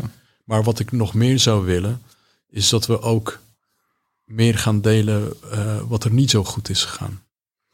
En natuurlijk heb je de, de uh, fuck-up nights en dat soort dingen, maar ja, ik weet niet of daar nou echt uh, gedeeld wordt wat je in een één op één gesprek of hm. met een groot kleine groep van mensen zou eh, delen van ja, wat is nou niet goed gegaan en daarop echt uh, door, uh, door, uh, doorpraten. Dus ik, ja, credits to you. Ja. ja, dankjewel. Ik denk ook wel dat um, wat helpt is dat we hier inderdaad samen in een ruimte zitten. En ergens weet je natuurlijk dat er een paar duizend mensen ja. uiteindelijk dit gaan luisteren. Maar al zouden die paar duizend mensen voor me zitten nu, dan zou ik dit waarschijnlijk niet aandurven. Nee, Zo eerlijk durf, ben ik ook ja. wel. Ja. Dat uh, ik ook wel, ja. Dus uh, het medium, uh, ik heb het geluk dat ik het medium heb om, om dat ook te doen zonder dat ik daar nu zelf ja. ja, erg het gevoel heb dat ik ja. echt met mijn nou, blote kont zeg maar, voor de groep staat. Hoewel het wel een beetje zo is. Maar goed, ja. Um, nou, kijk, wat ik... Um, nee, ik ga, ik ga iets, iets anders. Um, wat ik heel uh, interessant vind aan, aan je verhaal um, en ook aan het uh, eerdere verhaal, eerder gesprek dat we hebben gehad en tussentijds contacten is. Um, uh, ik, ik vind het fascinerend hoe analytisch je kunt uitleggen bent en hoe, hoe gedetailleerd je kunt uitleggen hoe ons brein werkt in decision making en, en, en dat soort dingen. Ik vind ook dat bijvoorbeeld die falsificatie was voor mij zo'n interessant inzicht, omdat ik me echt realiseerde dat worst case, en ik zeg worst case quote unquote, uh, is dat je erachter komt dat het niet zo'n goed idee is. Ja. En dat is juist fantastisch nieuws, want je kan het beter dan weten, voordat je iets gaat bouwen, dan dat je erachter komt op het moment dat je het al gebouwd hebt. Ja. Um, en ja, ik snap natuurlijk dat er nu misschien luisteraars die zeggen, maar, maar soms, ehm, moet je, soms bouw je aan een innovatief product waarvan de markt het misschien ook nog niet kan valideren omdat ze niet weten dat het nodig is. Dat kan allemaal zo zijn, maar ik denk dat het een heel gezonde stap zou zijn op basis van mijn eigen fuck-ups uh, om, om inderdaad veel meer aandacht te besteden aan falsificatie. Maar dat even voor nu terzijde. Um, ik heb inderdaad uh, de afgelopen twee jaar als echt emotioneel rollercoaster ervaren. Ja. Um, maar dan ook echt, ik ben over het algemeen juist een vrij vlak persoon als het gaat Ja. om emoties. Ja. Ehm, maar ik heb de afgelopen twee jaar echt mezelf op een heel andere manier leren kennen. Mhm. Ehm, waarbij ik dus nu, als ik met jou aan tafel zit en de rust heb, dan ehm, denk ik dat ik tot, tot, op zekere hoogte best een beetje kan doorgronden hoe ik dingen anders zou kunnen doen. En, en hoe ik eh, om zou kunnen gaan met mijn biases. Door inderdaad besluitvorming meer te organiseren. Ja. Ehm, of te org- orchestreren Ja. eh, in, in decision Ja, architecture. eh, eh, ik doe veel dingen in het Engels. Dus ik zeg decide how to decide. Eigenlijk beslissen ja. hoe je beslissingen neemt. En vaak, ik ben super geïnteresseerd in hoe je verhaal verder gaat. Maar vaak wat er is, is dat wij heel vaak gaan eh, eh, we kijken naar de content, naar de substance van een beslissing. Ja. Is het een goede beslissing Ja. of niet? Maar we kijken niet naar het proces. Hoe ben ik tot die beslissing Hoe ben ik gekomen? tot die beslissing gekomen? Ja. En ik zou zeggen, doe het allebei alsjeblieft. Want eh, de, de beslissing om eh, te expanderen of niet, of eh, geld op te halen, of een bepaald doelgroep uit te kiezen. Ja, daar kan je, daar, kan je natuurlijk heel veel van leren door dat te doorgronden. Maar even belangrijk, en wat mij betreft belangrijk onderdeel daarvan is, wat het in het voorgesprek volgens mij ook over. Ja, het product wat wij, wat elke organisatie, maakt niet uit wat die doet, het, op het meest elementaire niveau, het product wat wij produceren is beslissingen. Ja, ja. Maar wat we eigenlijk niet doen is, we hebben geen quality control Nee. op eh, beslissingen. Hoe, hoe is het productieproces van Ja. het, produ- eh, het product beslissingen? En, en, en eh, ja, dus resumerend zou ik zeggen van, ja, kijk naar de content. Is het een goede beslissing of niet geweest? Maar probeer ook, eh, probeer ook eh, eh, niet alleen op basis van substance leren, maar ook op basis van het proces te leren. Wat zijn Ja. de procedurele lessen die ik hieruit kan nemen? En daar we het net over. Bijvoorbeeld die, die dagboek die je dan hebt, Decision Journal. Dat is één, één manier om, om daarvan te leren. Ja. Maar jij was aan het vertellen over, eh, over je, de, de Ja, het- emotionele... Ja, het emotionele Rollercoaster, rollercoaster. Ja, ja. dus ik, ik snap nu, zeg maar, op basis van de gesprekken die we hebben gehad, dat het eh, mij had geholpen om een decision architecture op te zetten. Om, om ehm, eh, allereerst dus al na te denken over hoe je gaat beslissen. Maar, maar, maar dan de stap naar de va- vanuit het ratio naar de emotie. Want dit klinkt voor mij heel rationeel. Ja. Is het ook, denk Ja, ik. het ook. Ehm, tegelijkertijd is op het moment dat je in die film zit, zo zou ik het bijna willen noemen. Je zit in, Ja. voor je gevoel in een soort film Dat waarbij ehm, je, je wordt gedreven door ambitie, door enthousiasme, eh, andere momenten. Ik heb ook momenten gehad, zeker aan het eind, dat ik me schaamde dat Ja. dingen niet waren gelukt. Ehm, eh, schuldig voelen, dat soort Ja. dingen. Dus eh, nou ja, echt de, de, de, de Ja, highs en de lows. Heel erg relatable voor mij. Heel erg herkenbaar. ja, en ik denk, en, en ik denk dus voor veel luisteraars ook. Dus. Waar, wat, wat ik heel eh, gaaf zou vinden als, als het ons lukt om vandaag, want we hebben al heel veel, nou, ik heb weer heel veel geleerd. Maar als we in het landschap van emoties, wat, wat je dus als founder eigenlijk waar je continu in zit, ehm, wat zijn concrete dingen die echt de luisteraar die nu zit te luisteren, die denkt van ja, ik herken het. Wij hebben niet een red team Ja. ehm, voor, ehm, eh, voor belangrijke beslissingen of überhaupt voor beslissingen die ons challenge. Wij besteden 99% van onze tijd of 100% van onze tijd aan validatie en we doen niet aan falsificatie. Dat soort dingen. Die dat nu denkt, maar die aan de andere kant weet van, maar morgen stap ik ochtends weer het kantoor binnen en word ik weer inderdaad meegenomen in het enthousiasme van mijn co-founders, van het team, eh, in de druk van de investeerders, in de teleurstelling van het verliezen van een belangrijke klant. Wat zijn praktische dingen, los van de dingen die je al genoemd hebt, om te zorgen dat dit echt verankerd zit in je organisatie? Dus eh, moet je dat met je founders doen of kun je dat, eh, doe je dat met een coach erbij? Wel, wat zijn praktische dingen om uit die emotie te kunnen, de blijvend daaruit te kunnen stappen? Ehm, ik heb eh, volgens mij in die vorige sessie heb ik ook aangegeven van ehm, dat het je eigen bias overkomen, dat is, ja, ik zou willen zeggen onmogelijk. Maar dan heb je het voordeel dat je in een organisatie zit waar je checks en balances hebt en waar je andere mensen hebt eh, die, die, die meebeslissen. En wat je dan dus moet doen is bijvoorbeeld met je investeerders, eh, maar bijvoorbeeld ook met je co-founders. En dat is wel fundamenteel dat de leiding hier echt de leiding in moet nemen. Ehm, eh, om ervoor te zorgen dat die, dat die decision architect elementen een, een standaard onderdeel worden van hoe je beslissingen neemt. En, en, en als je dat doet, dus met je investeerders, met je, met je investeerders bijvoorbeeld afspreken dat er een onafhankelijk iemand op, in het bestuur zit. Dat kan je doen, toch? Ja, ja. En Goeie. je, kan, ja. en je kan er ook voor zorgen dat, dat dat niet makkelijk terug te draaien is. Dat kan je ook doen. Ja. En het feit al dat er zo'n iemand zit, nou, dat zorgt er al voor dat je andere beslissingen kan, eh, gaat nemen. Dat, dat is één ding. Ik denk overigens, sorry dat ik je in de reden val, maar dit is dus hoe mijn brein op dit moment werkt. Dit, het, roept bijna een, een, een, Nee, nou ja, ook dat. Ja, Ja, de, ja. em- emotioneel roept het weerstand op. Maar vanuit een soort van eh, ondernemend perspectief, vanuit de rol die ik denk, ik denk te hebben richting de SaaS-community, eh, zou het bijna een service kunnen zijn. Nog even los van het businessmodel, hè? maar Ja. gewoon even hardop. eh ik denk dat wat het bij me oproept is, ik zou het mijn luisteraar best wel gunnen dat je, d- weet ik veel, de SaaS-bazen helpt of de, het Red Team kan, kan inschakelen. We gaan nu een belangrijke beslissing nemen. Wij overwegen naar Duitsland te gaan.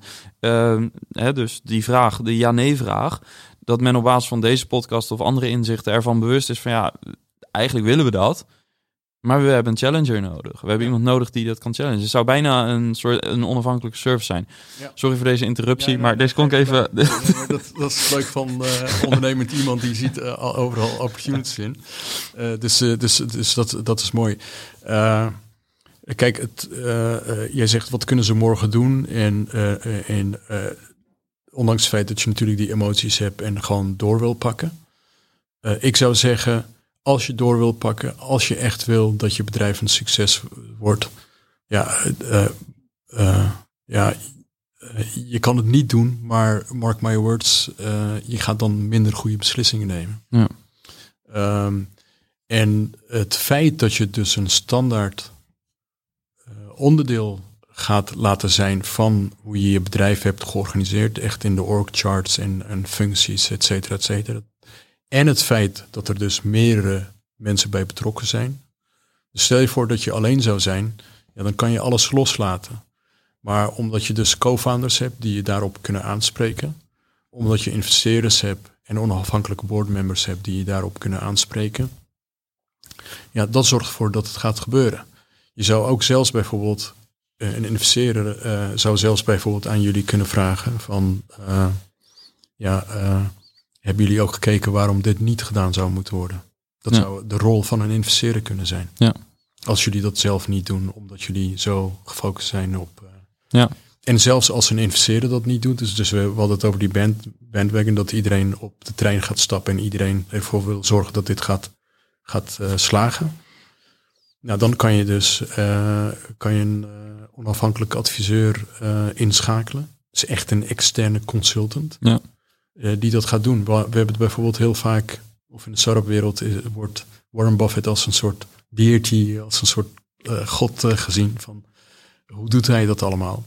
Maar als hij een belangrijke beslissing neemt, dan heeft hij ook een red team en een blue team. Dus hij stelt twee onafhankelijke adviseurs aan externe bureaus. En het ene bureau wordt betaald, letterlijk betaald, om te bevestigen dat het een goed idee is. En het andere bureau wordt betaald om te bevestigen dat het een super slecht idee is. Ja. En dat brengt hij dan samen en op basis daarvan neemt hij een beslissing. Dat zou een eh, hele mooie praktische TKW eh, kunnen zijn voor, eh, voor Ja. luisteraars. Ja. Ja. Ja. Ja, en zo, zo zijn er nog heel veel andere manieren dat je ervoor kan zorgen dat je betere beslissingen neemt. Ja. We hadden het over Red Team, Ja, misschien goed om daar nog even op in te zoomen. Want een Red Team, de luisteraars zullen dat wellicht kennen vanuit Ja. het hacken. Dus Ja. Blue Team, Red Team. Ja. Ehm, dat zou je kunnen toepassen ook in die falsificatie. Ja, Eh, absoluut. ja. Ja. Ja. en Red Team dat komt van de, eh, van de eh, oh, 19e eeuw van de eh, eh, eh, Prussian Prussische leger. Eh, het leger was in blauw. eh, eh, ze hadden een blauwe tenue aan. En zij deden wargames destijds zelfs. Eh, en dan werd de tegenstander, de- werd, werd iemand, werd een team samengesteld en zij moesten de rol van de tegenstander spelen. En die kregen dan de naam Red Team. Ja. En de CIA heeft een Red Cell. Eh, heel eh, Amerika, vooral na, na de eh, September 11 attacks. En ook Israël. Allemaal hebben in heel hun, in, in de defensie en militaire apparatus hebben ze een Red Team altijd in zitten. Om maar te zorgen dat, dat, je, dat je uitgedaagd wordt in Ja. de beslissing die je neemt. Ja. Ik eh, kijk nog even een keer naar mijn notes. Dat heb ik het hele gesprek niet gedaan. ja. Want het ging eh, wat dat betreft eh, helemaal in, Ja. in flow, wat mij betreft. Ehm, ja, er was een vraag waar ik vooraf even over nadacht. Ehm, je hebt in het vorige gesprek ook even en vandaag ook wat films genoemd en zo. Zijn er nog, is er nog interessante literatuur of zijn er interessante films of andere resources die interessant zijn om te bekijken wat jou betreft, om te leren over hoe in de geschiedenis eh, bijvoorbeeld gebruik gemaakt is van dit soort hulpmiddelen, zoals een decision architecture. Ehm, Nu doe ik het misschien wat te kort trouwens Ja. met hulpmiddel, maar dat Ja. even terzijde. Ja, films, films een beetje ingewikkeld. Eh, dan zou ik echt moeten uitleggen van... hey, hier zie ik die biases. Je hebt natuurlijk, ik weet niet op welke eh, streamingzender dat is... heb je dat hele verhaal van Theranos. En als jij en ik zouden zitten... HBO dacht ik. Ja, als jij en ik daarna zouden kijken... dan zou ik je echt op de scène af kunnen aan, eh, aan, aanwijzen van... hey, hier vindt, eh, vindt, vind, zijn er allerlei biases die plaatsvinden... Maar al- als we het over bijvoorbeeld Red Team hebben, je kent, misschien heb je World War Z gezien. Eh, ken je, dat is van Ik Brad, zelf niet. Van Brad Pitt. Dat is een eh, zombie eh, eh, apocalypse. De hele wereld wordt door zombies eh, overgenomen. En dat is een mooi voorbeeld van dat eh, de enige plaats in de hele wereld waar die zombies dus niet eh, iedereen dood hebben kunnen maken, dat is in Israël. En wat blijkt dat ze in Israël een soort devil's advocate eh, idee hadden, is dat er als er van de tien mensen negen zeggen van we moeten dit doen, dan moet die tiende persoon precies het tegenovergestelde beweren en doen. En op basis van die tiende persoon hebben zij toen een soort muur gebouwd om er maar voor te zorgen dat ze niet door die zombies werden. Dat hadden ze van tevoren gedaan. Dat is een mooi voorbeeld van decision architecture. Ja. Dat hadden ze dus Vooraf. vooraf gedaan. ja. Ja. Ja. Eh, dat, is één, eh, dat is één ding. Nou, Thinking Fast Slow, als je iets over decision making wil weten van Daniel Kahneman, dat is echt eh, zijn magnum opus. Ja. Een mooi boek. Daarin ga je, ik heb het vaak over systeem 1 en 2 gehad, over het feit dat wij complexe vragen substitueren voor substitueren met simpele vragen. Dat doen we constant, overigens. Het is heel fascinerend als je daar bewust van bent om dat Ja. om dat ook te zien. Dat is een mooi boek. Ehm, eh, eh, ja, en, en noise, en daar hebben we het niet over gehad, maar dat is misschien wel iets voor SaaS-bedrijven om later mee rekening te houden. Je hebt aan de ene kant heb je, het, heb je cognitieve biases, waardoor je een, een eh, beslissing, decision error maakt, beslissingsfout. Eh, maar noise is de eh, variatie tussen de optimale beslissing onder een groep van mensen. Om een concreet voorbeeld daarvan te geven is als jij bijvoorbeeld een crimineel bent en je hebt, eh, weet ik veel, je, je hebt iets gestolen in de Albertijn. Wat er dan gebeurt, wat nu ook gebeurt en dan in hele schrijnende situaties ook, is eh, dat als er twee eh, verschillende rechters zijn, je hebt precies dezelfde misdaad gepleegd. Bij de ene rechter wordt je vrijheid gesproken en bij de andere rechter, er zijn Amerikaanse voorbeelden van, wordt je 15 jaar in de cel gestopt. En dat is de, vari dat is de unwanted variability. We hebben het dan over in het nemen van beslissingen. En dat is een, we hebben het over cognitieve bias uh, gehad. Nou, daar weten best wel veel, relatief veel mensen weten daar wel iets vanaf. Maar over dit noise, dat is, wordt totaal over het hoofd gezien. En om dat voor SaaS-bedrijven even concreet en wat relevanter te maken. Stel je voor, je hebt, je hebt een salesafdeling. En je hebt een klant. En puur theoretisch zou je zeggen van, nou, als ik die type klant heb, dan moet ik dit aan die persoon verkopen. Maar als jij dat dus niet goed georganiseerd hebt met je playbook, mm komen we terug op playbook fijn. Ja. Als je dat niet goed georganiseerd hebt, dan zou het zo kunnen zijn uh, dat er uh, meer variatie zit tussen de aanpak van je verschillende sales rep, reps dan je eigenlijk zou willen. Dat er variatie is, dat is 100% zo. Dat kan ook niet anders, want je hebt verschillende type mensen. Ja. Maar je zou eigenlijk willen onderzoeken hoe groot die variatie is. Ja, dat is een normafwijking. Een zeg maar. enorme afwijking, ja. Ja, En, en de voorbeelden die ik, die ik ken is, is dat... En ik heb dit persoonlijk ook meegemaakt, want we hadden, uh, ja, we hadden in, de, in, de, in, de, in de winkels die wij hadden, hadden we alles bij elkaar 200, 250 sales reps. Uh, en, en ja, mijn aanpak is heel anders dan die van die ene persoon. En ik heb daar natuurlijk een heel goed idee over van hoe dat zou aangepakt moeten worden. Maar als het verschil dus heel groot is, dat zou je willen minimaliseren. En het voorbeeld wat dan in dat uh, boek ook wordt gegeven, daar zie je dat het verschil wat wij denken vaak is rond de 10%. Van het verschil tussen jouw aanpak en mijn aanpak is rond de 10%. Maar in dat geval was het 50, 60%. En in dat geval, dat was een verzekeringsbedrijf, kost het gewoon miljarden ja. aan, aan omzet en, en, en geld wat ze misliepen, waar Ja. ze helemaal niet van bewust waren. Ja. En, en dat is iets wat ik SaaS-bedrijven mee zou willen geven op een later niveau van, hey, eh, daar zou ik naar kijken. En een ander ding, twee, twee dingen nog. Hebben we nog tijd? eh? Ik vind dat we alle tijd hebben. Ja.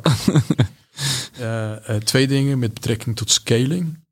Want we hebben het in de start-up scene hebben we het heel erg vaak over van ja, we hebben start-ups, we hebben veel start-ups, maar ze stoten niet door. En ik was in het verleden commercieel directeur van Scale Up Nation, waar we daar echt ook op focusten van ja, wat zijn nou de factoren dat je kan, kunt schalen. Dus ik vind het daarom ook relevant om daarin te vertellen en het sluit mooi aan bij waar we het net over hadden, over decision making. Is en product market fit. Kijk, het feit dat jij product market fit hebt, of denkt te hebben, in een kleine groep, dat hoeft niet te betekenen dat het ook product market fit is voor een scale-up niveau. Uh, want dat is, dat is een veel grotere groep. Wat je dan eigenlijk zou moeten hebben, is dat je hebt product market fit bij één groep, dat je in verschillende groepen uh, dat herhaalt. Uh, dus niet in één groep, maar in verschillende groepen. En dan in die beginfase. Want wat, wat er dan gebeurt is dat je dus daarmee die, ja, waar ik het net aan het begin over had, als we het over de wetenschap hebben, is, is dat er verschillende uh, experimenten worden uitgevoerd. Ja. Ook om te valideren, maar ook om te falsificeren. Ja. Maar je moet dus verschillende uh, replication, wordt dat in de wetenschap genoemd, uh, replicatie hebben van je experiment. In het geval van product market fit, replicatie hebben van, hey, ik heb bij de groep A heb ik, heb ik dit gevalideerd. Maar eigenlijk zou ik dit ook, vooral ook kijken naar de toekomst, als ik wil dat het bedrijf mijn uh, total addressable market uh, gaat, in ieder geval een beetje richting die kant gaat. Uh, dan zou ik eigenlijk willen dat die andere doelgroepen ook daarbij horen. Wat je eigenlijk wil is dat je ook in die beginfase dat gaat valideren. Want als je dat niet doet en je gaat op basis van één doelgroep, als je die validatie hebt, ga je, uh, uh, ga je olie op het vuur gooien. Dus je gaat funding ophalen, geld ophalen. En iedereen is ontzettend blij, want je hebt die validatie. Je ziet dat het goed gaat. Je ziet het in de metrics, je ziet het in de sales metrics, je ziet het in je retentie. Je ziet het in, uh, in, in dat, Ja. dat je churn laag is. Ja. Je ziet het overal in. En dan ben je dus eigenlijk aan het vliegen, aan het vliegen en opeens stort alles neer. Eh, En dat heeft dat dan te maken met het feit dat er één variabel bijvoorbeeld anders is, waardoor het eh, niet repliceerbaar is? Nee, het heeft ermee te maken dat, uh, dat je initiële doelgroep eh, niet representatief is voor je eh, doelgroep op Ja, nee, precies. niveau. Ja, nee, precies. De, de- zo bedoel ik. Ik eh, formuleer het misschien onhandig. Maar inderdaad, Ja. dus je, je, je, je subset aan je, je eerste eh, set aan klanten waar je Ja. nu succesvol bent. Ja. Die is, eh, dat, dat is niet noodzakelijkerwijs exact dezelfde groep als die het gaat zijn op het moment dat je eh, groter, dat je dat, je dat Ja, gaat schalen. Precies. Waardoor je dus eh, eh, eigenlijk een, ook een vorm van false positive hebt. Ja, het is absoluut Ja, een false ja, positive. Ja, het is absoluut een false positive, ja. En heel vaak gaat het op dat, eh, op dat vlak mis. Ja. En daar hebben we dan ook, daar, dan is de cirkel rond. Daarom moet je dus die externe validatie hebben eh, van Ja. iemand die helemaal niet, Die geen belang heeft die ook. geen belang heeft in het feit dat je valideert voor die, voor, voor die doelgroep. Ja. Je moet dat eigenlijk falsificeren. En, en, en ik weet dat dat bij startups heel erg moeilijk is, want die hebben niet de middelen ook altijd om een extern consultant in te huren. Maar ik zou zeggen, ja, als de startups niet doen, zou ik zeggen dat de investeerders dat zouden eigenlijk Ja. zouden moeten Ja. eisen. Ja. Van doe dat alsjeblieft, want dan. En nogmaals, niet het hele eh, idee van decision architecture, dat wil ik ook gezegd hebben aan de luisteraars, en, en, en, en red teaming en falsificatie. Het idee daarachter is niet om je ervan te weerhouden dat, dat je doorgaat met je startup en dat gaat uitbouwen. Ik durf mijn, vuur, mijn handen voor een, het vuur te steken dat het idee wat je hebt, dat, dat ergens daar een kiem van waarheid in zit. Ehm, en dat er waarschijnlijk behoefte aan is. Ja, je wil, je wil, eigenlijk, je wil niet dat mensen eh, gaan stoppen met het ondernemen. Je wil alleen dat mensen de waarheid gaan vinden. In plaats van eh, bouwen op een halve waarheid. Waardoor je op een gegeven moment erachter komt dat je steeds verder meer delusion krijgt, zeg maar. Ja, en ik wil, dat ze, ik wil juist eigenlijk dat ze slagen. Echt, Ja, ik, ja. ik, ik kan daar best wel, eh, best wel emotioneel in zitten. Om, en waarom emotioneel? Omdat ik, eh, ja, ik vind, ik vind de, de, de ondernemers een beetje de, de person in the arena. Die gaan niet Ja. aan de zijlijn Nee, staan. nee. Die, eh, die, die gaan gewoon in arena staan en die, die zijn niet bang om een paar, eh, eh, ja, een paar tegenslagen te krijgen. Nou ja, nou, misschien ben je er wel bang voor, maar alsnog doe je het. Alsnog doe je Want zo heb ik het ervaren. ik bedoel, ja. ik was wel bang voor Ja. de klappen die ik zou gaan krijgen. Ja. Maar ik had zoiets Ja. van, ja, weet je, als je het nooit probeert, weet je het ook niet. Ja, alsnog doe je het. Dus ik, ik vind dat heel erg benijdenswaardig. Ik vind dat heel erg stoer. En ik vind dat ergens ook wel spreken van, van, van eh, ja, niet alleen moed, maar ook ergens liefde voor het leven in de wereld. Want je wil het beter maken. Ja, Zo heb ik in ieder geval ondernemers ervaren. Ik heb weinig ondernemers zien die gingen ondernemen voor het geld. De meeste ondernemers die ik gezien heb, die gingen gewoon echt iets doen om iets beter te maken. Ja. Dus, dus de- dat siert ze en dat vind, ik, dat, dat vind ik mooi. En ik wil dat ze slagen. ja, En eh, eh, eh, mijn mening, dit is mijn kennis op dit moment, dit is mijn idee, mijn biased view van de wereld op dit moment, is, is, dat, is dat het kijken naar hoe je beslissingen neemt, dus niet alleen het wat, maar het hoe, dat dat fundamenteel is. En dat je daardoor ook, da- daarom eigenlijk ook hiernaar zo, zo moet kijken en die externe validatie moet gaan doen. Nogmaals, niet om ervoor te zorgen dat je het niet doet, maar juist om ervoor te zorgen dat je betere beslissingen betere neemt beslissing neemt. en daardoor grotere kansen Ja. maakt om te slagen. Ja, want Ja. Wie, wie van ons zou dat niet willen, dat we steeds betere oplossingen krijgen voor een heleboel dingen. Ja. Ja. Eh, en eh, ja, en, en eh, misschien nog één ding. We hebben het in de e-mail over gehad. Ik ben de e-mail even aan het afspelen. Je je had een heel mooie, mooie korte vraag met twee woorden. God versus... versus ja, data. Wat zeg je? Eh, Data. Data, ja. Ja. God versus data. Ehm, eh, eh, ik denk, wat, ik daar, wat ik daar eigenlijk wil, op, op wil zeggen is, is dat je, je kan je gut, je, je intuïtie, kan je niet uitzetten. Dat is onmogelijk. Maar het is belangrijk om je, je, je intuïtieve beslissingen, je gutbeslissingen, om die uit te stellen. Dus ervoor te zorgen, en dat kan je dus alleen maar met een decision architecture doen, om ervoor te zorgen dat op het moment dat je die informatie en data binnenkrijgt, dat die zo min mogelijk beïnvloed is door je, door je intuïtie. Ja. Eh, eh, maar op het, laat, op het laatste moment, als je die eh, informatie hebt, als je die dus die gecorroboreerd hebt en gefalsificeerd hebt door een red team, door eh, anders naar te kijken, door onafhankelijk mensen naar de data te laten kijken, eh, door verschillende opties te hebben, al die dingen die we bes- met elkaar besproken hebben. Als je al die informatie bij elkaar hebt en het ligt op tafel, ja, laat je intuïtie de vrije loop. Dat is helemaal geen probleem. Het probleem is alleen, als je dus met je intuïtie data gaat verzamelen, dan krijg je een, dan, dan krijg je een, een, een probleem. Maar je intuïtie helemaal uitzetten, dat kan niet. Dus gut versus data. Ik zou zeggen data first. En, en dat kan je alleen maar doen met een decision architecture. Ja. Niet, want anders ga je weer... Je bent er niet tegen opgewassen. Nee, want tegen, dan- ja. nee ik, ik zeg constant alleen maar met decision architecture. Want als je dat dus niet doet, als je dus niet iemand hebt, een devil's advocate hebt die je uitdaagt.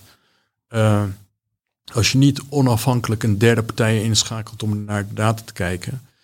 Wat er dan gebeurt is, is dat je data gaat verzamelen. En dat vind ik, dat vind ik eigenlijk best wel... Ja, heel veel, heel veel bedrijven en mensen trappen daarin over die hele data- data-driven decision making. Eh, dat is eigenlijk best wel schrijnend en gevaarlijk. Waarom? Omdat als je alleen maar data- data-driven decision making doet, wat je dan doet is eigenlijk alleen maar informatie aan het verzamelen om te valideren wat jij denkt dat het zou moeten zijn. En dat kun, Daar je, hebben we het net over dat kun je eigenlijk altijd wel vinden, omdat je ideeën nooit helemaal eh, idioot zijn. idioot zijn. ja. Ja. ja. En, en, dat, en eh, eigenlijk creëer je met dat hele idee in de zeitgeist data- data-driven decision making, creëer je eigenlijk een heel groot probleem. En we hebben het met WeWork gezien, we hebben het met Terranos gezien, we hebben het met heel veel andere bedrijven gezien. Is dat er informatie, constant informatie wordt verzameld om maar te bevestigen wat, eh, wat het idee is. Ja.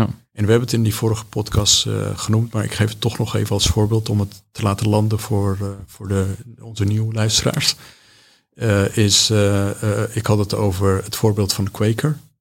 Eh, het is een, een, een, een fabrikant, verkoper van Ontbijtgranen en dat soort dingen. dat Ja. soort dingen. Ja, die hadden, die hadden En heel veel suiker. en heel veel suiker, ja. Die hadden, die hadden dus iemand ingehuurd, Smithburg, een CEO, die eh, ontzettend succesvol was bij een ander bedrijf. En eh, toen ze die hadden eh, binnengehaald, gingen ook aandelen, gingen allemaal, het was één groot feest. Die hadden ze binnengehaald om, de, om dit bedrijf naar een hoog niveau te tillen. En hij heeft toen een frisdrank, eh frisdrankfabrikant, eh heeft hij overgenomen. Daar hebben zij 1,7 miljard eh, euro voor eh, dollar betaald destijds. En drie jaar later hebben ze het voor 300 miljoen moeten afschrijven en verkocht. En, eh, en dat was dus heel erg gebaseerd op intuïtie. En alle informatie, alle due diligence, alle, alles wat werd gedaan. Dan hebben we het over data-driven decision making. Dus dat, dat, dat, eh, ze waren data-driven bezig. Ontzettend. Ja, alleen, alleen om te bevestigen dat het een goede beslissing was. Om, dat het een goede beslissing was om Ja. het bedrijf over te nemen. Ja. En drie jaar later kwamen ze erachter dat het helemaal geen goed bedrijf was. Waarom? Het, het klopt, eh, die, die, die, eh, die versimpeling van hey, dit is een, een frisdrankenbedrijf. Dit is een andere frisdrankenbedrijf. Ik heb dit al eerder gedaan en ik ga dit weer doen. Dat was weer die substitutie van een complexe vraag naar een simpele vraag. Zijn, ze, zijn het twee vergelijkbare Ja. bedrijven? Ja. ja. Eh, Laten we het doen. Ja. En dat kostte het bedrijf, eh, dat bedrijf 1,4 miljard en CEO's toen ook ontslagen. Maar dus maar om even aan te geven, data-driven decision making, heel aardig, heel mooi. Maar als je dat dus niet eh, uitdaagt door een andere set van data ernaast te zetten, wat tegenovergestelde beweert, eh, ja, dan, dan krijg je dit soort, eh, dit soort problemen. Dat is, dat is gut versus data. Ja. Dankjewel. Graag gedaan. Hoe vond je het zelf om dit gesprek te voeren? Ja, ik, ik, ik, ik, vond, het, eh, ik vond het leuk. Ik, ja, wat, wat ik aan het begin van het gesprek ook zei aan de, aan de luisteraars is...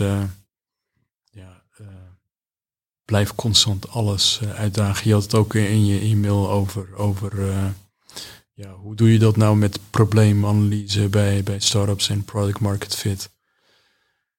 Daag alles uit. Elke assumptie die jij hebt als, als founder of als investeerder, leg dat op tafel en, en, en, en uh, zeg dat het alleen al dat je zegt dat dit een veronderstelling is. Dat nodigt mensen al uit om daar uh, een weerwoord over te geven. En dan daardoor een betere beslissing te nemen. Dus hoe ik het vond. Want even heel tussendoor, ja. wat ik mooi vind, de bezieling die je hebt met het onderwerp. Want ik vraag hoe je het vond en binnen een paar seconden uh, zit je weer vol in de inhoud. Ik vind dat echt fascinerend. echt schitterend. Ja, dankjewel, dankjewel. Uh, nee, hoe ik het vond, ik vond het, ik vond het, ja, ik kan er hier dagen over praten, dus ik vond het heel leuk. En nogmaals, ik, vond het, ik vind het bewonderenswaardig dat je ook je eigen verhaal verteld hebt. Uh, ja, en ik hoop dat, uh, dat ik in ieder geval iets heb kunnen doen in, in de gedachte van, van, van de luisteraars van, ja, hé, hey, wacht eens even. Ik neem beslissingen. Misschien moet ik daar ook naar kijken van hoe ik niet alleen het product kan verbeteren, maar hoe ik beslissingen kan verbeteren. Dat zou mijn boodschap zijn.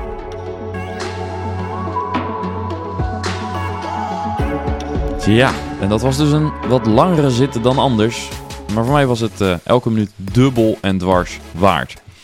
Ik heb uh, nog wel even de tijd nodig om alles wat gezegd is te verwerken. En tegelijkertijd uh, kan ik gaan nadenken over wie mijn Red Team gaat worden. Ja, en tot slot een op oproep aan jou als luisteraar. Want deze podcast kunnen we mede dankzij onze leden maken. Dus ben je nog geen lid, sluit dan je lidmaatschap af. Dat kan via saasbazen.nl. En voor 300 euro per jaar ben je lid en krijg je een flinke stapel extra's. Kijk dus op uh, saasbasis.nl voor alle info. Ja, dat was uh, aflevering 200. We gaan op naar de volgende mijlpaal, 300. Dus uh, let's go!